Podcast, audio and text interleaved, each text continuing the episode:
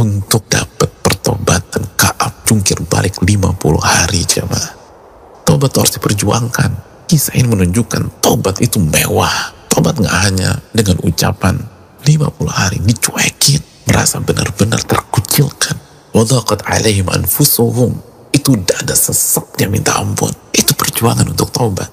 Bumi ini sempit, padahal bumi begitu luas kata Allah dalam surat At-Taubah 118 itu. Itu perjuangan jemaah